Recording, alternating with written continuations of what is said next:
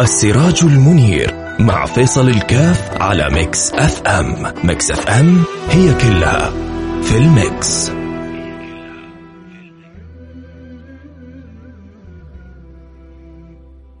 بسم الله الرحمن الرحيم. الحمد لله والصلاة والسلام على رسول الله وعلى آله وصحبه ومن والاه. حياكم الله أحبتي في برنامج السراج المنير.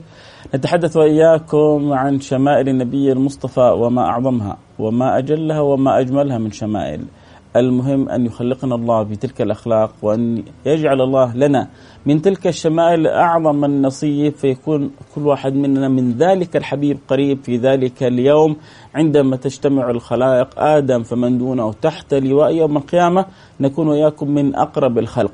ومن أكثر ما يعيننا على ذلك القرب أن نتحلى بتلك الشمائل فهو الذي أخبر وهو الذي ذكر وهو الذي وجه وهو الذي نبه وقال أقربكم مني. أقربكم مني مجلسا يوم القيامة أحاسنكم أخلاقا. تكلمنا فيما مضى عن الشمائل الخلقية. لا أستطيع أن أقول وفيناها حقها حاشا وكلا. ولكن حاولنا قدر المستطاع أن نسلط الضوء على شيء منها تشويقا وترغيبا. وتعليقا للقلوب بشمائل الحبيب المحبوب سيدنا محمد صلى الله عليه وعلى آله وصحبه وسلم. وقلنا أنه لابد من الرجوع والاطلاع أكثر وأكثر وتنتهي الأعمار ومثل ما قال القائل ويفنى الزمان وعلى تفنن الله الله الله. وعلى تفني واصفه بوصفه يفنى الزمان وفيه ما لم يوصف.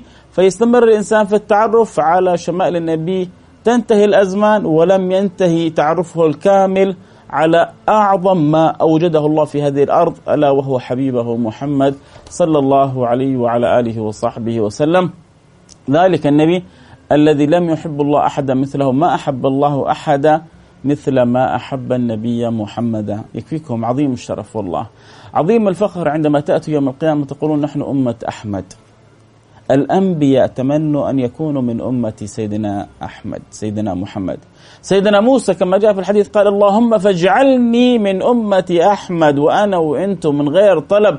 ربي أكرمنا بأن جعلنا من أمة النبي محمد ثلثي أهل الجنة من أمتي الجنة 120 صف 80 صف من أمتي.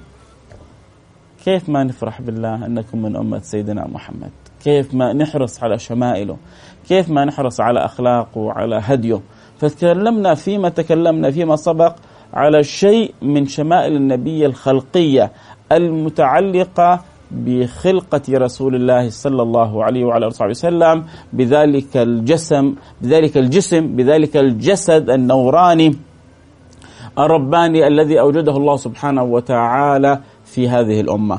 الآن إن شاء الله حنبدأ نعرج على الجزء الثاني من الشمائل ألا وهي الشمائل الخلقية المتعلقة بالأدب والأخلاق والسلوك آه، آه، والتصرفات.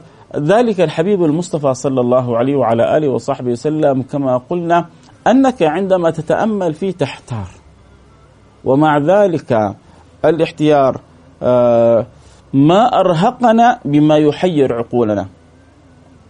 ولذلك قيل أعيا الورى عن فهم معناه فليس يرى في القرب والبعد فيه غير منفحم. إنك مهما تحاول تغوص يعني في أسرار جمال هذا النبي تقف أمامها شخص تقف أمامها آه، محتار تقف أمامها وأنت مأخوذ العقل والقلب حبا وتعلقا وهياما وانسا وسعاده وتاملا في هذا الحبيب المصطفى صلى الله عليه وعلى آله وسلم. أعيا الورع عن فهم معناه فليس يرى في القرب والبعد فيه غير منفحم مع ذلك لم يمتحنا لا تكليفا ولا آه، طلبا بل كان دائما شفيق بالمؤمنين الرؤوف الرحيم لم يمتحن بما تعي العقول به حرصا. ليش لم يمتحن بما تعي بما يصعب على العقول بما يصعب على الأفهام؟ حرصا علينا فلم نرتب ولم نهم. هذا هو الحبيب المصطفى. ولذلك حتى هذه السلوكيات وهذه الأخلاق النبي صلى الله عليه وعلى آله وصحبه وسلم حثنا عليها ووجهنا لها وبعد ذلك فتح لنا أبواب القرب منه من من خلالها. أنت الآن تتخلق بأخلاق رسول الله. هذا هو النموذج الجميل في المجتمع.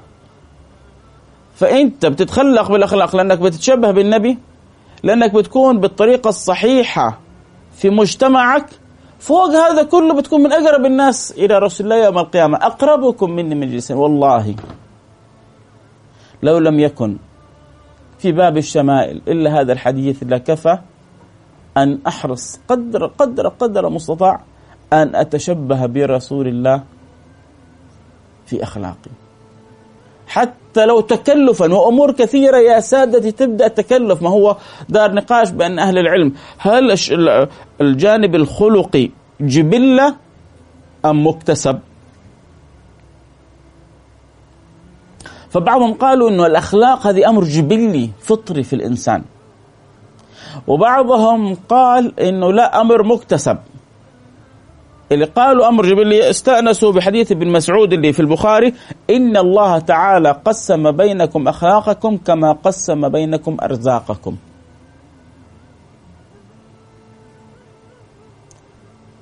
فهذه خلاص أمر آه، جبلي وقال القرطبي هو أمر جبلة يكتسب. أمر جبلة يكتسب. يعني كل واحد في في جبلته شيء من الفطرة شيء من الأخلاق لكن ممكن ينميها. إنما الحلم بالتحلم. إنما الحلم بالتحلم. فالإنسان ربما ما يكون حليم في البداية لكن مع الحرص مع التدرب مع المجاهدة يصير حليم. فبيطور أخلاقه بيطور صفاته بيطور معاملاته بيتشبه بسيدي رسول الله. الحمد لله. يا جماعة والله والله كيف تتطور أخلاقنا لو ما عندنا النموذج الأخلاقي العظيم هذا؟ مو ربي جاب لي النموذج البشري الأخلاقي عشان يكون عندنا نموذج. أي أي مشروع ما يمكن ينجح ما لم يكن أمامه أهداف واضحة. أي أمر تنوي ما يمكن ينهض ما لم تكن هناك رؤية واضحة. أي إنسان يبغى يعتلي باخلاقه ما يمكن ما لم يكن أمامه نموذج فريد. فالله جعل لنا النموذج الفريد. هذا هو الحبيب المصطفى. وزكاه لما أراد أن يزكي الله رسول الله صلى الله عليه وسلم. عندما أراد الله أن يزكي حبيبه بماذا وصفه؟ عندما أراد أن يمدح حبيبه بماذا وصفه؟ وإنك لعلى خلق عظيم. وإنك لعلى من العلو والاستعلاء. كيف علا وكيف استعلى وكيف علو؟ صار في المقام العالي حبيبكم رسول الله بالأخلاق العظيمة. أدبني ربي فأحسن تأديبي. تخلقوا بأخلاق الله. الإنسان ينبغي أن يأخذ نصيبه يا سادتي. عندما نفرد حلقات بإذن الله سبحانه وتعالى حنتكلم فيها عن شمائل النبي الخلقية. لابد أن أبحث عن نصيبي منها وأنا أولكم أحوجكم. نصيبنا من تواضع سيدي رسول الله. نصيبنا من رحمة سيدي رسول الله. إيش الفائدة؟ أنا أحب النبي لكن عندي أولاد ما أرحمهم. عندي زوجة قاسية عليها. عندي سائق وخادمة موريهم الويل. عندي موظفين مطلع لهم النجوم في عز الظهر. إيش إيش إيش فائدة إني أنا أحب رسول الله؟ أنت إيش عرفت من حب رسول الله؟ ماذا أدركت من حبك لرسول الله؟ كيف كانت رحمته بالصغير قبل الكبير؟ كيف كان تعامله مع المرأة قبل الرجل؟ كيف أوصانا حتى بالإحسان للحيوانات قبل الإنسان؟ يا سادتي نحتاج أن نبحث عن نصيبنا حقيقة من رسول الله صلى الله عليه وعلى آله وصحبه وسلم. أن نبحث عن نصيبنا بجد من سيدي رسول الله صلى الله عليه وسلم. فلما نسمع هذه الفصول نأخذ نصيبنا. الرحمة التواضع الزهد الحياة الشجاعة الكرم الجود. أحب النبي يجيني ضيوف أتهرب منهم. يجوني ناس يحتاجوا إلى وقف ومساعدة مالي أنا فيهم. طب عيش معنا الحلقات هذه وابحث عن نصيبك. شوف كيف النبي. كيف لما يجي له الاعرابي ويشد على على رسول الله في التعامل كيف النبي صلى الله عليه وعلى آله وصحبه وسلم كيف كان يتعامل؟ كيف لما يجي واحد منه يستأذن في أمر في سلوك خاطئ؟ تخيل لو راح الآن لجهة رسمية وقال لهم أنا أبغى أسوي كذا أو كذا. كيف يتعاملوا معه؟ وكيف النبي سيد الكون هذا كله. لما يجي واحد يقول أنا حسوي سلوك خاطئ وحنسمع القصة والخبر كيف كان النبي يتعامل؟ ما هو إحنا لازم نتعلم النبي كيف يتعامل عشان نسقطها. أرجوكم على واقعنا وفوق هذا كله. كلما اجتهدنا في هذا الباب كلما فتح لنا أن نكون من أقرب الأحباب لسيد رسول الله يوم القيامة أقربكم مني مجلسا. الله. يا رب. أقربكم مني مجلسا يوم القيامة احاسنكم اخلاقا. طيب كيف أسوي؟ عليك بوصية النبي. النبي كان من دعاء اللهم كما حسنت خلقي فحسن خلقي. النبي أصلا هو هو صاحب الأخلاق الكاملة الحسنة هو محتاج الدعاء. هذا هو النبي. هو النبي أدبا مع الله وتعليما لأمة محمد بن عبد الله. تعليم لهذه الأمة بيعلمنا سيدي رسول الله صلى الله عليه وسلم أنه يكون من دعائنا اللهم كما حسنت خلقي فحسن خلقي. أبغى أذكر نقطة مهمة تعين على تخيل هذا الكمال في سيدي رسول الله صلى الله عليه وسلم في أخلاقه. ألا وهي تذكر في كتب الشمائل عندما يتكلمون في باب أخلاقه يتكلمون عن رجاحة عقل النبي وعن وفور عقله. في عبارة جميلة لوهب بن منبه بيقول فيها قرأت في واحد في إحدى وسبعين في واحد وسبعين كتابا. فوجدت في جميعها أن الله تبارك وتعالى لم يعطي جميع الناس من بدء الدنيا إلى انقضائها من العقل في جنب عقل سيدنا محمد صلى الله عليه وعلى آله وصحبه وسلم إلا كحبة رمل من بين جميع رمال الدنيا وأن سيدنا محمد صلى الله عليه وسلم أرجح الناس عقلا رواه الحكيم الترمذي وأبو نعيم وابن عساكر. قال قرأت في 71 كتاب.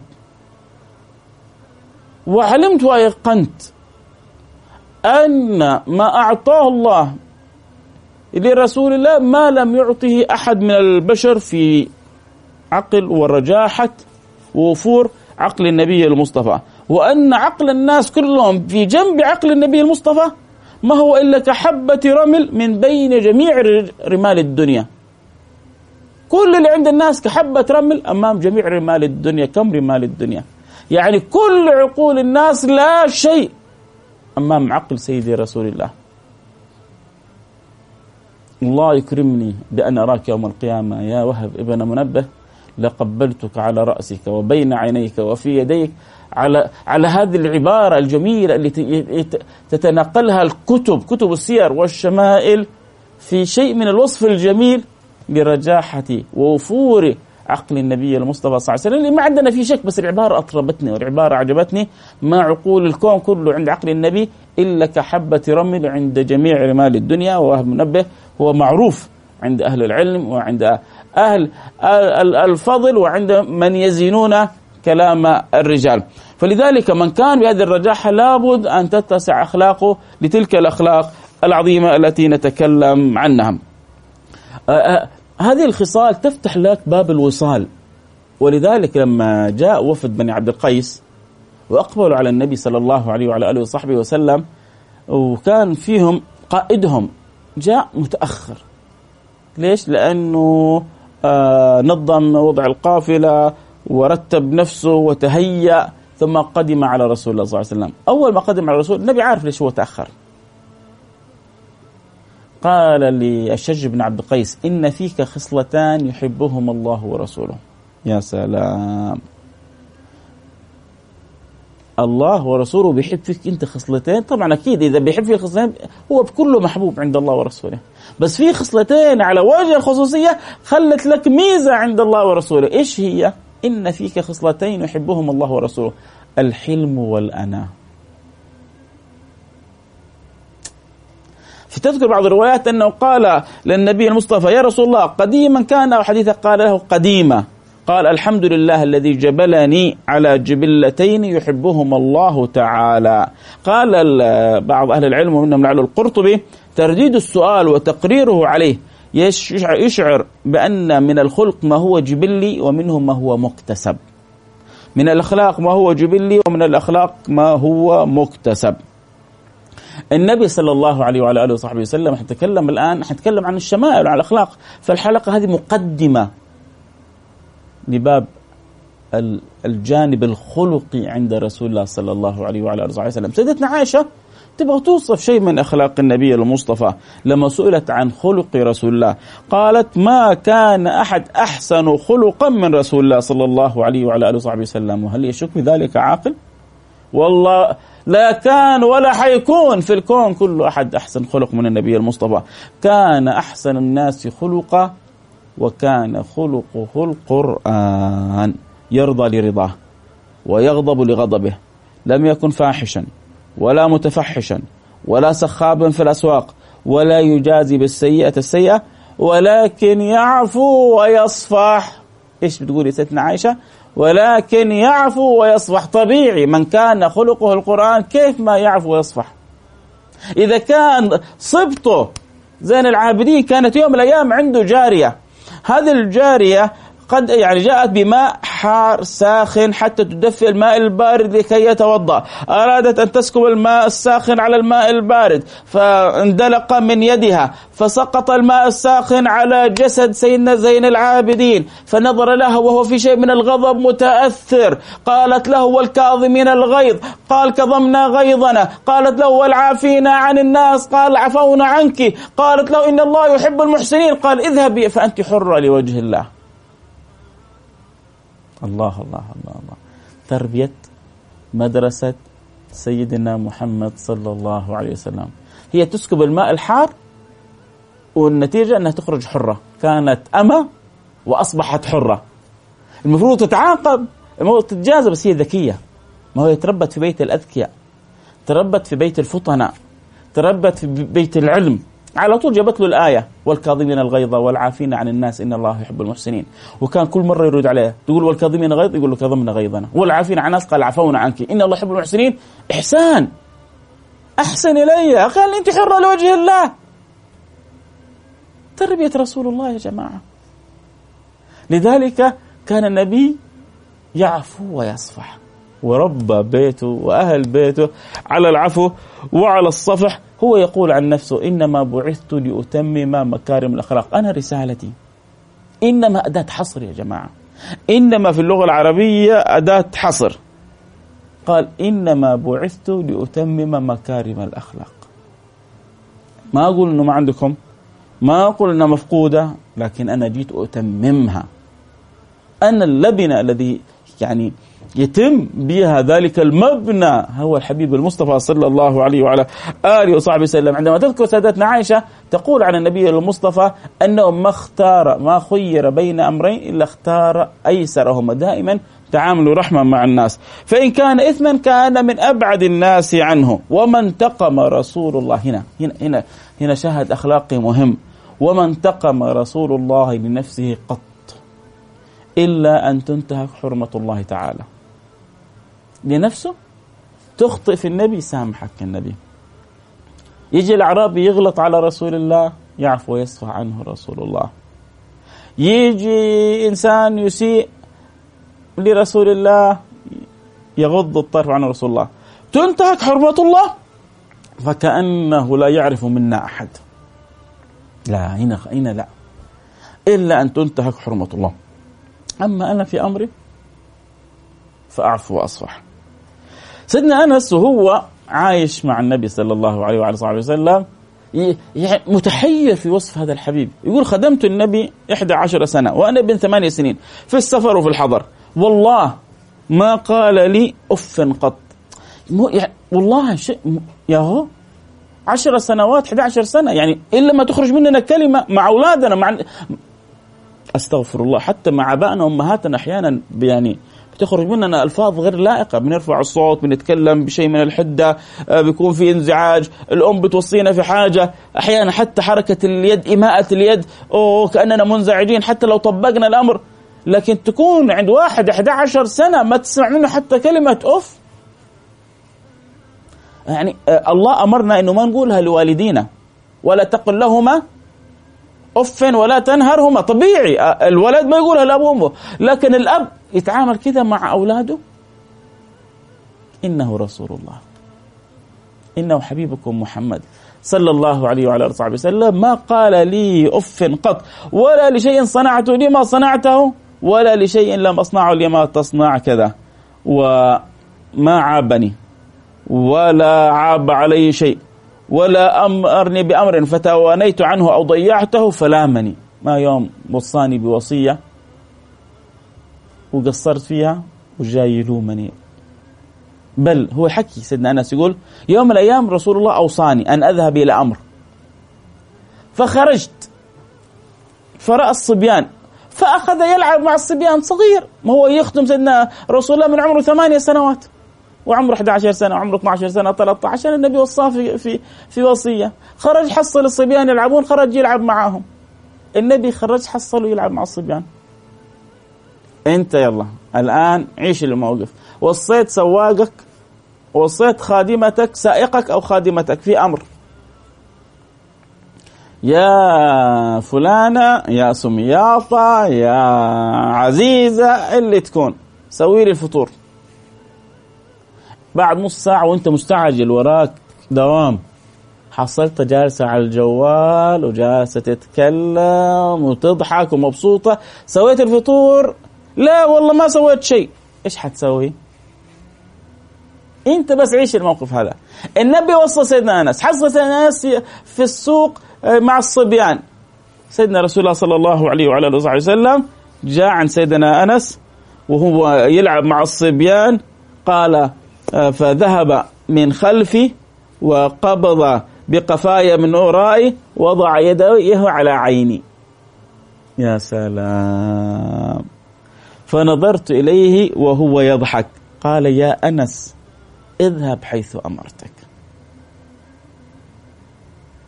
سيدنا أنس يقول خرجت على صبيان وهم يلعبون في السوق. وإذا رسول الله صلى الله عليه وعلى آله وصحبه وسلم قد قبض بقفايا من ورائي.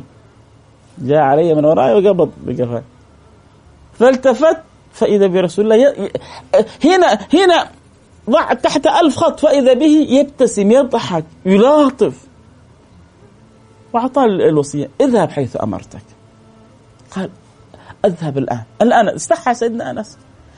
لازم نتعلم المعاملة يا المعاملة المعاملة جدا مهمة يا سادتي. لابد أن نعيش. كان النبي صلى الله عليه وعلى آله وصحبه وسلم إذا صافح أحد عادة يعني الصغير ينتظر الكبير. الفقير إذا صافح الغني الغني لبعض النبي صلى الله عليه وسلم وهو نبي الله حبيب الله. إذا صافح أحد لم يكن ينزع يده حتى ينزعها الآخر. جاء رجل وطلب أمر سلوكي غير لائق. والله الواحد يستحي يقوله لأبوه أو أمه. طلبوا من النبي. النبي ترى إيش قال له؟ حنتعرف أكثر وأكثر إن شاء الله على أخلاق النبي في تعامله مع أصحابه مع أحبابه مع مجتمعه ونبحث عن نصيبنا من هذه السلوكيات والأخلاقيات حتى نكون من أقرب الخلق إلى رسول الله صلى الله عليه وعلى آله وسلم. لا يغيب عن أذهانكم ولا من بين عيونكم. قول النبي المصطفى أقربكم مني مجلسا أحاسنكم أخلاقا. كيف يا رب؟ عليك بدعاء النبي، اللهم كما حسنت خلقي فحسن خلقي. استمع إلى سيرته، تأمل في شمائله، ابحث عن نصيبك، ادعو الله. إنه النية طيبة وتأكد إن الله إن الله لن يخيبك. نلتقي على خير بإذن الله سبحانه وتعالى. وللحديث بقية في شمائل وفي مقدمة أخلاق النبي المصطفى صلى الله عليه وعلى آله وصحبه وسلم. وفقنا الله وإياكم لما يحب ويرضاه اللهم آمين يا رب العالمين. السراج المنير مع فيصل الكاف على Mix FM. Mix FM هي كلها في ال mix.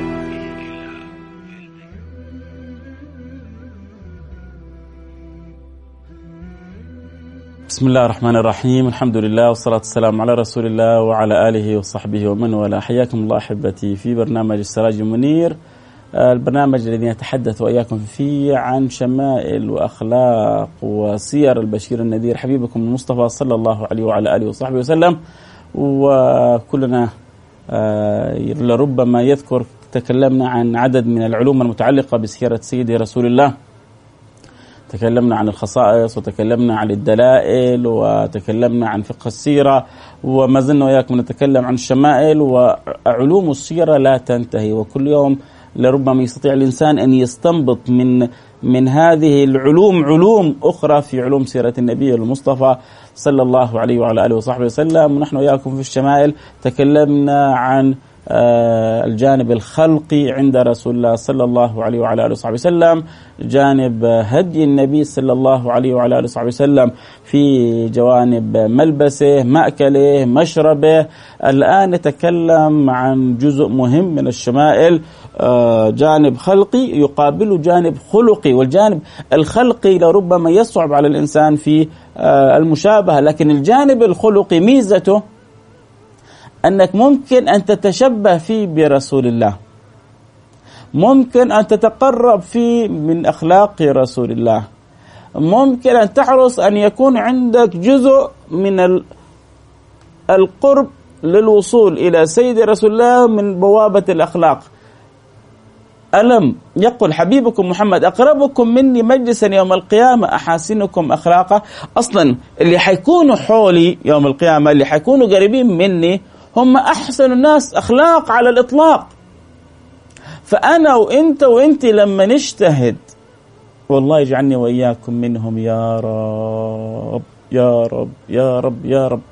لما نجتهد إنه نحسن فينا أخلاق معينة. وأحيانا ممكن يعني قد يكون صعب علي أن أحيط بكل الأخلاق. لكن خلوني مثلا تكون عندي خصلة الكرم هذه خصلة مرة مميزة. أكون كريم النفس. كريم مع كل الناس. أدخل إلى باب القرب من رسول الله من باب الكرم. أكون حليم مع زوجتي حليم مع أولادي حليم مع طلابي حليم مع موظفيني حليم. أدخل إلى القرب من رسول الله من باب الحلم. والنبي أكد المعنى هذا. وزكى لما كانت في خصلتين مميزتين في أحد الشخصيات على طول قال له انت نلت محبة الله محبة رسوله عشان فيك خصلتين حلوة.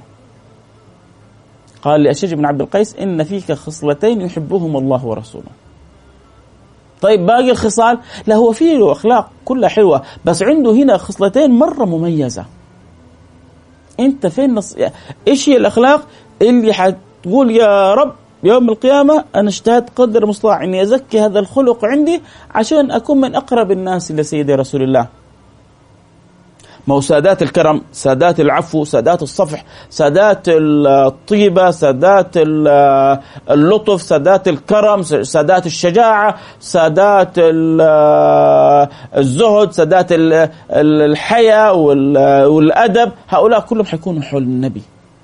أقربكم مني مجلسا يوم القيامة أحاسنكم أخلاقا.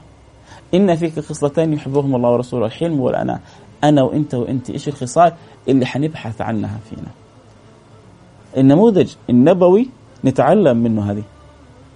كيف كان النبي صلى الله عليه وسلم؟ كان خلقه القرآن تقول سيدتنا عائشة. كان أحسنكم أخلاقا. لم ينتقم ما لم ينتقم لنفسه أبدا. فإذا انتهكت محارم الله لم يكن يعرف من يعرف منا أحدا. كان صلى الله عليه وصحبه وسلم يعفو ويصفح. ما كان سبابا ولا شتاما ولا لعانا ولا فاحشا ولا متفحشا. ما تخرج منه بذاءة القول ابدا. أخلاق أخلاق سلوك يا جماعة نحتاج نجعلها في حياتنا. تعامل الخلق كيف؟ ذكرنا فيما سبق شيء منها. وقلنا وألمحنا إلى أنه حنذكر موقف شوفوا كيف أخلاق النبي في التعامل فيه وكيف تربية النبي لأصحابه فيه. جاء رجل إلى النبي أمام جمع من الصحابة يقول يا رسول الله أذن لي بالزنا. أنا أبغى أروح احمل الفاحشة. أنا أبغى أسوي الفاحشة. أنت تتكلم مين؟ أنت جالس تتكلم أخوك ولا صاحبك ولا خويك في الحارة ولا انت جالس تتكلم مع النبي بكلام غير لائق استحي على دمك عيب. الصحابة كلهم صاحوا. قالوا ما إيش إيش إيش الجنون هذا؟ إيش يقول هذا؟ النبي ولا التفت الواحد منهم. خاطبه خطاب عقلاني وداواه دواء روحاني. انتهى الموضوع. صلى الله وسلم على سيدنا محمد وعلى آله وصحبه وسلم. إيش الخطاب العقلاني؟ قالوا أترضاه لأمك؟ قال لا. قال كذلك أمهات الآخرين لا يرضون. أتحبه؟ أترضاه لأختك؟ قال لا. قال ذلك وكذلك الآخرين لا يرضونه لأخواتهم. قال أتحبه لعمتك لخالتك؟ كل ما قالوا قال لا. قال وكذلك الناس لا يرضون. أعطاه الجواب العقلي. ثم بعد ذلك مسح على صدره. أزال من قلبه تعلق الزنا وحب الزنا ورغبة الزنا. قال كان يعني كان أحب شيء له ذلك صار أبغض شيء له في حياته هذا الأمر. كيف دواء النبي؟ دواء النبي بالتعامل الخلقي كثير مننا يا سادتي يحتاجوا إلى هذا التعامل. جاء أعرابي. يعني الموقف مرة صعب. تخيل أنت بكرة وأنت بتصلي في المسجد رجال مش مجنون.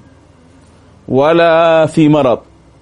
ولا تقول والله إنسان خارج عن الوعي. رجال بحسه بعقله بإدراكه. وانت جاي بتروح للمسجد بتصلي جاء في زاوية في المسجد وراح كشف عن عورته وبدأ يبول. سامحونا على اللفظ. ولا يتبول. عزكم الله والسامعين إيش موقفك؟ هذا حصل في حضرة رسول الله والصحابة بيتفرجوا. الصحابة ما تخي انصدموا. جاوا يبغوا يعني يمسكوا الاعرابي هذا يبعدوه ياخذوه من مكانه. انت تبول في المسجد؟ ما تستحي. عيب عليك. النبي رفض حتى أن يزعجوه لا تزرموه يعني لا تزعجوه حتى في بولته.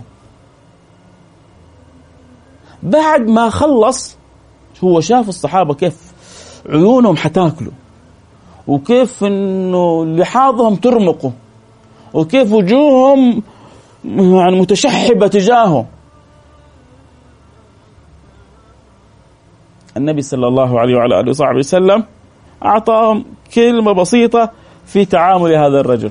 إيش قال النبي صلى الله عليه وعلى آله وسلم؟ إيش قال للصحابة؟ أريقوا عليه ذنوبا من ماء إنما بعثتم ميسرين ولم تبعثوا معسرين. علموا ويسروا ولا تعسروا.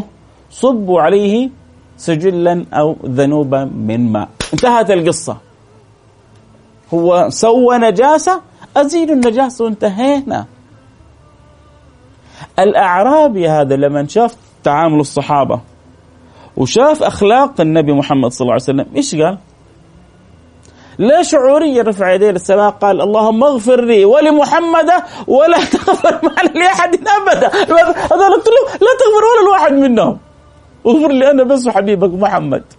قال له النبي المصطفى لقد حجرت واسعة لقد حجرت واسعة لا الرحمة تكفيني وتكفيك وتكفي كل أمة النبي محمد صلى الله عليه وعلى آله وصحبه وسلم. لقد حجرت واسعة بس التعامل التعامل الجميل أخلاق النبي صلى الله عليه وسلم أسرت هذا الأعرابي.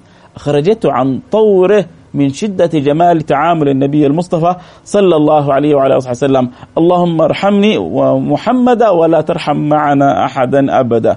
القضية كانت ممكن تكبر. كان هذا الأعرابي ممكن يضرب. هذا الضرب هذا كان ممكن يخرجه من الدين ويخرجه من الإسلام. كم يجونا شباب إلى المساجد يحتاجوا إلى حنية وإلى رحمة. نجد خطيب المسجد أو إمام المسجد قد ينهرهم قد ينهاهم بقوة قد يحرجهم أمام الناس. مرة من المرات شاب يحكيني. يقول لي رحت أصلي صلاة الجمعة. بلبس قال أعرف أن أنا عندي تقصير ما يعني كان لبس ينبغي أن ألبس أحسن من ذلك. يا بني آدم خذوا زينتكم عند كل مسجد لكن أنا قصرت. قال وإذا بالإمام أمام الناس ينهرني ويتكلم علي والناس كلها تنظر إليه. قال فمن يومها وهو مسجد حي قررت ألا أدخل المسجد ومع دخلت ذلك المسجد بعد ذلك اليوم سنوات وهو ما يدخل. يا رجل النبي هذا هذا هذا هذا مو لبس لبس يعني كان ممكن أن يلبس أحسن منه. لا هذا بال بال في المسجد. والنبي أمرهم إنه ما يزعجونه لين ينتهي من بولته ما يبغى يصيبه ضرر. أحيانا قد يصيب الإنسان ضرر أو تأذي لما يعني ينزعج في هذا الأمر أو يكتم أو يحبس بوله في المثانة أو شيء من ذلك. أعزكم الله والسامعين تركه حتى ينتهي. لا تزرموه. بعد ما انتهى إنما بعتم شوف شوف شوف. لسه كمان يعني بيرجع كأنه الخطأ مش على الأعرابي بيرجع الخطأ كأنه على الصحابة. إنما بعثتم ميسرين ولم تبعثوا معسرين. يسروا وعلموا. طيب بعدين جاء التعليم من نبوي أريقوا أريقوا عليه ذنوبا من ماء سجلا من ماء. انتهينا. اقتلوا النجاسة انهوا النجاسة انتهينا. الأعرابي اللهم ارحمني وارحم محمدا ولا ترحم معنا أحدا أبدا. النبي صلى الله عليه وعلى آله وصحبه وسلم طبعا النبي ما رضي بهذه الدعوات قالوا لقد حجرت واسعا لأن الدعوة تشمل الجميع. لما جاوا له قالوا له على قبيلة دوس إنهم ما يبغوا يسلموا وإنهم يعني رافضين آه، أن يدخلوا في هذا الدين. فجاء له يعني قدم له القادم وقال ادعوا عليهم يا رسول الله إني دعوت دوسا فعصت. وأبت أن تسلم. هذا الطفيل بن عمرو. فادعوا عليهم يا رسول الله. ما يبغوا يسلموا. تعبوني. ما يبغوا يؤمنوا. عنيدين ادعوا عليهم يا سيدي يا رسول الله. النبي سمع كلام سيدنا الطفيل. لكن سمع كلام سيدنا الطفيل بالأخلاق النبوية. رفع يديه إلى السماء وقال اللهم اهدي دوسا وأتي بهم مسلمين. ثلاث. اللهم اهدي دوسا. هو يقول له ادعوا عليهم. والله لو دعا عليهم لهلك الدوس عن بكرة أبيها ولا كان شفنا سيدنا أبو هريرة ولا شفنا أحد من أولئك القوم. والله العظيم لو دعا النبي صلى الله عليه وسلم لاستجاب الله سبحانه وتعالى. لكن النبي دعا واستجاب الله. تبغاني أدعو عليهم؟ مرحبا. أنا أخلاقي تجعلني أدعو لهم. أنا يوم من الأيام صليت في مسجد. وإذا بالإمام يدعو على أحد هذه هذه قصة حقيقية حصلت لي أنا. أحد آه، زعماء آه، حكام بلاد غير المسلمين.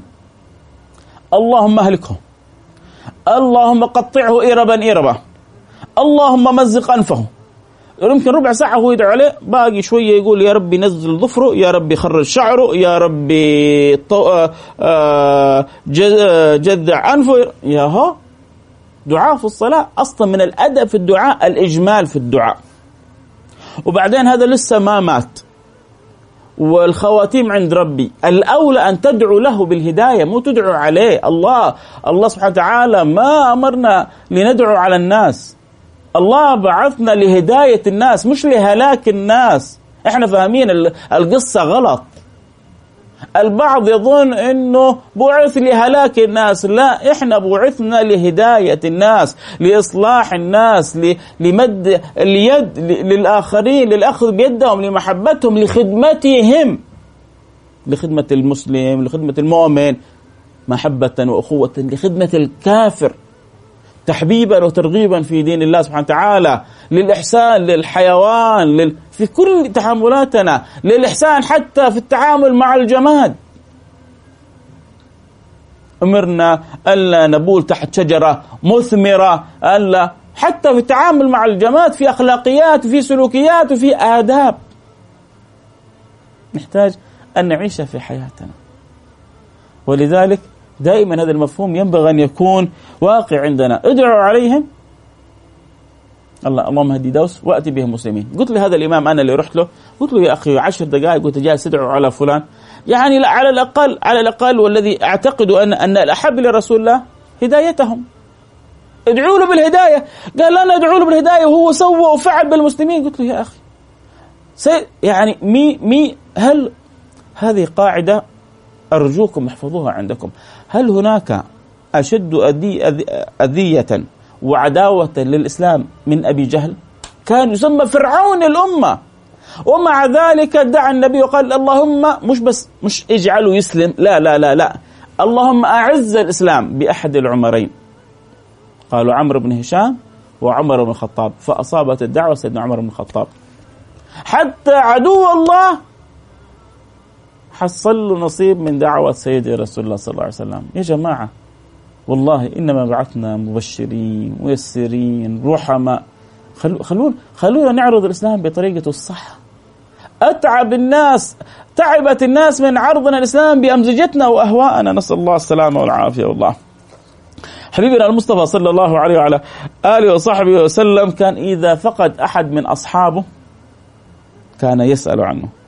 كان إذا غاب عنه ثلاثا يسأل عنه. إذا مرض يزوره. إذا غاب يدعو له. كان يتفقد دائما أصحابه. فين فلان؟ فين هذا؟ أين هذا لم نراه؟ سلوه عن فلان. كان دائما يتفقد. وإذا غابوا دعا لهم. وإذا مرضوا زارهم صلى الله عليه وعلى آله وصحبه وسلم. في قصة من القصص الجميلة. لعلي أذكرها بعد قليل. أذكر قبلها قصة لطيفة لتعامل النبي حتى مع الأعرابي الذي شد عليه. أنت الآن في مكتبك. أنت الآن رئيس الشركة. عندك موظفين أمن من البودي جارد اللي ما شاء الله كل واحد عضلاته مفتلة. وكلهم حولك. ويجي واحد عليك أمام الشركة كلها ويغلط عليك. كيف حتسوي فيها؟ بأمانة. بصراحة أنت كيف حتسوي أنت بين صحباتك كلها وعندك ستة سبعة خادمات. وجات واحدة ورفعت صوتها وقلت أدب عليك قدام هؤلاء الناس. جات خادمة من الخادمات غلطت عليك. كيف حتسوي؟ حتطري اطلعي برا. أنت قليلة أدب. أنت ما تستحي. يلا أنا حفصلك من العمل. ما أبغى أشوف وجهك بعد الساعة هذه. بعد اللحظة هذه ما أبغى أشوفك عندي في البيت. شيلي ثيابك واخرجي برا. بنعيش الأدوار صح؟ اعرابي يجي عند النبي. وهو بين أصحابه يسحب الرداء يجذب الرداء جذبة تؤثر في عنق رسول الله صلى الله عليه وعلى آله وصحبه وسلم. ومن فوق هذا كله يجي يقول له أعطني من مال الله لا من مالك يا محمد. نعم. أعطني من مال الله لا من مالك. هو بعض الأعراب تعاملهم مع النبي شيء غريب. فين الأدب؟ يا رجل أنت تكلم رسول الله. احمد ربك أن ربي أذن لك أن ترى رسول الله. بس هو لازم الأصناف هذه تكون كلها موجودة في حياة النبي عشان هو النبي قدوة لنا. عشان أنا برضو في حياتي حتجيني الأصناف هذه وأنت في حياتك حتجيك الأصناف هذه وأنت في حياتك حتجيك الأصناف هذه. فأنتم مع الأصناف هذه كلها تشوفوا كيف التعامل النبوي مع كل الأصناف. تخيلوا لو كل الأصناف اللي كانوا حول النبي زي سيدنا أبو بكر الصديق. ركزوا معي ترى هذه النقطه جدا جدا جدا مهمة. انت الواحد يجي فيكم يقول كيف هذا الاعرابي يسوي كذا مع النبي؟ لازم يصير كذا مع النبي. تخيلوا كل الصحابة زي سيدنا أبو بكر الصديق ولا سيد مثل سيدنا علي بن أبي طالب. تخيل لو كل النساء مثل سيدتنا فاطمة الزهراء ولا سيدتنا عائشة ولا سيدتنا خديجة. كيف حنستفيد؟ كيف حنتعلم؟ في سيدتنا عائشة في سيدنا فاطمة في اليهودية اللي وضعت السم لرسول الله في أم أيمن في أم سليم في الجارية في الأمة في لازم الفئات كلها تكون حول النبي صلى الله عليه وعلى آله وصحبه وسلم. الشاهد أنه أعطني من مال الله لا من مالك. في رواية تذكر أن النبي صلى الله عليه وسلم أعطاه تبسم وضحك وأعطاه فرضي. في رواية تذكر أخرى أن النبي صلى الله عليه وسلم عندما قال له ذلك أعطاه النبي صلى الله عليه وعلى آله وسلم. يا محمد أعطني فإنك لا تعطيني من مالك ولكن من ما ولا من مال أبيك. أنت ما حتعطيني لا من مالك ولا من مال أبوك هذا من مال الله سبحانه وتعالى. فأعطاه النبي. ثم قال أحسنت إليك؟ قال لا ولا أجملت. فغضب المسلمون وقاموا إليه فأشار إليه أن كفوا ثم دخل منزله. ثم أرسل الأعرابي فدعوه إليه فأعطاه شيئا. قال أرضيت؟ قال لا. ثم أعطاه قال أرضيت؟ قال نعم. متخيلين؟ جاء عند النبي يقول أعطني من لا هو من مالك ولا من مال أبوك. أعطيني من مال الله. أعطاه. بعد ما أعطاه قال له رضيت؟ قال له لا أجملت ولا أحسنت. يعني هذا إعرابي وهذا وهذا أكيد الإعرابي لما جاء عند النبي هو يعرف ربنا يعرف إنه هذا رسول الله. بس سوء أدب سوء أدب. والمشكلة أنه لو الصحابة تصرفوا معه ولا قتلوه كان الأعرابي هذا حيروح جهنم مثل ما قال النبي في آخر الحديث. لأن وقد ما يلام الصحابة لأنه أساء الأدب مع النبي. يقولوا لا أحسنت ولا أجملت. إيش قلة الأدب هذه؟ لو قتلوه الصحابة ولا لو أذوه ولا لو مات في تلك اللحظة لربما دخل النار هذا الأعرابي. لكن النبي رحمة. أخلاق ما هو كيف الأخلاق النبوية؟ هي كذا. فيدخل النبي صلى الله عليه وسلم إلى عنده بالبيت عشان يشوف بيت النبي ويعرف أنه النبي هو كل اللي عنده بيوزعه. ليش النبي دخله لبيته تعال شوف بيتي. أنا تفكرني القادة الآن أصحاب التجارات كذا أول ما يبدأ بنفسهم عندي 10 مليون أخلي لي 9 مليون 999 والفتات اخرجه للناس. النبي كان يخرج كل حاجة وما يبقي شيء دخل بيته اعطاه له ما عنده في البيت. قال له رضيت؟ بعد المرة الأولى والثانية والثالثة قال له نعم رضيت. قالوا إنك جئتنا فسألتنا فأعطيناك. فقلت ما قلت وفي أنفس المسلمين شيء عليك. فهل قلت لهم ما يذهب ما في صدورهم خلاص العربي مبسوط حصل اللي يبغاه. قال نعم. فلما جمع النبي أصحابه قال إن صاحبكم كان جائعا فسألنا فأعطيناه. حتى النبي بيقدم له العذر عشان تهدأ نفوس الصحابة. ترى كان تعبان ترى كان جائع ترى مر ظروفه صعبة. هي اللي خلته يقول هذه الأقاويل. والله لو كان إيش ما كان المفروض ما يجيب الكلام هذا. بس النبي في أدبه النبي في أخلاقه النبي في تعامله بيقدم له بيقول له كان جائع. فقال ما قال؟ ثم أعطي بعد ذلك فرضي. فهل أعطيناك ما رضيت؟ فزعم أنه رضي. فهل رضيت؟ قال الأعرابي أي نعم فجزاك الله تعالى. من أهل عن أهل وعشيرة خيرا. فجزاك الله تعالى عن أهل وعشيرة خيرا. هكذا تعامل النبي. بختم القصة العجيبة. نشوف عشان نشوف أخلاق النبي صلى الله عليه وسلم ذكرها المحب الطبري. قال إن رسول الله صلى الله عليه وسلم خارج رحلة. رحلة مع أصحابه. سفر. فأمر أصحابه بإصلاح شاه. نبغى يلا نسوي وليمه نبغى نسوي شاه. رحلة رحلة يا سلام. فقال يا رجل أنا أذبحها. قال آخر وأنا أسلخها. قال آه، آخر وأنا علي طبخها. يا سلام. إيش إحنا شوف النبي كيف مع أصحابه يا جماعة. إيش إيش الهن إيش الحلاوة إيش السعادة؟ الله. يا رب يا رب وعدنا برحلة يا رب مع النبي يوم القيامة. نطبخ ونسخ ونجتمع ونقبل الأيادي ونقبل الأقدام ونقبل الرأس ونحضن ونكون من أقرب الخلق لرسول الله. يا رب يا رب يا رب. قول من قلوبكم. آمين. يمكن تصادف قلب صادق أو ساعة إجابة يستجيب الله لي ولكم. يا رب. هذا الأول قال أنا أذبحها والثاني قال أنا أسلخها والثالث قال أنا أطبخها. النبي قال وأنا أجمع الحطب. قالوا لا نحن نكفيك ذلك يا رسول الله. قال لا أحب أن أكون أحسن من أحد. لا أحب أن يراني الله سبحانه وتعالى وأنا مميزة. إن الله تعالى يكره من عبده أن يراه متميزا بين أصحابه. نقطة على السطر. ما زلنا في البدايات. وحتمر معانا فصول في شمال وأخلاق النبي المصطفى. الله يأدبنا بالآداب ويخلقنا بالأخلاق ويرقينا إلى أعلى الرتب ويجعلنا ممن دنا واقترب من حضرة الحبيب المصطفى صلى الله عليه وعلى آله وصحبه وسلم ويكرمنا بأنوار وأسرار وبركات وحقائق. أقربكم مني مجلسا أحاسنكم اخلاقا يوم القيامة. اللهم كما حسنت خلقنا فحسن أخلاقنا. اللهم آمين. يا رب العالمين. وصلى الله وسلم على سيدنا حبيبنا محمد وعلى آله وصحبه أجمعين. والحمد لله رب العالمين.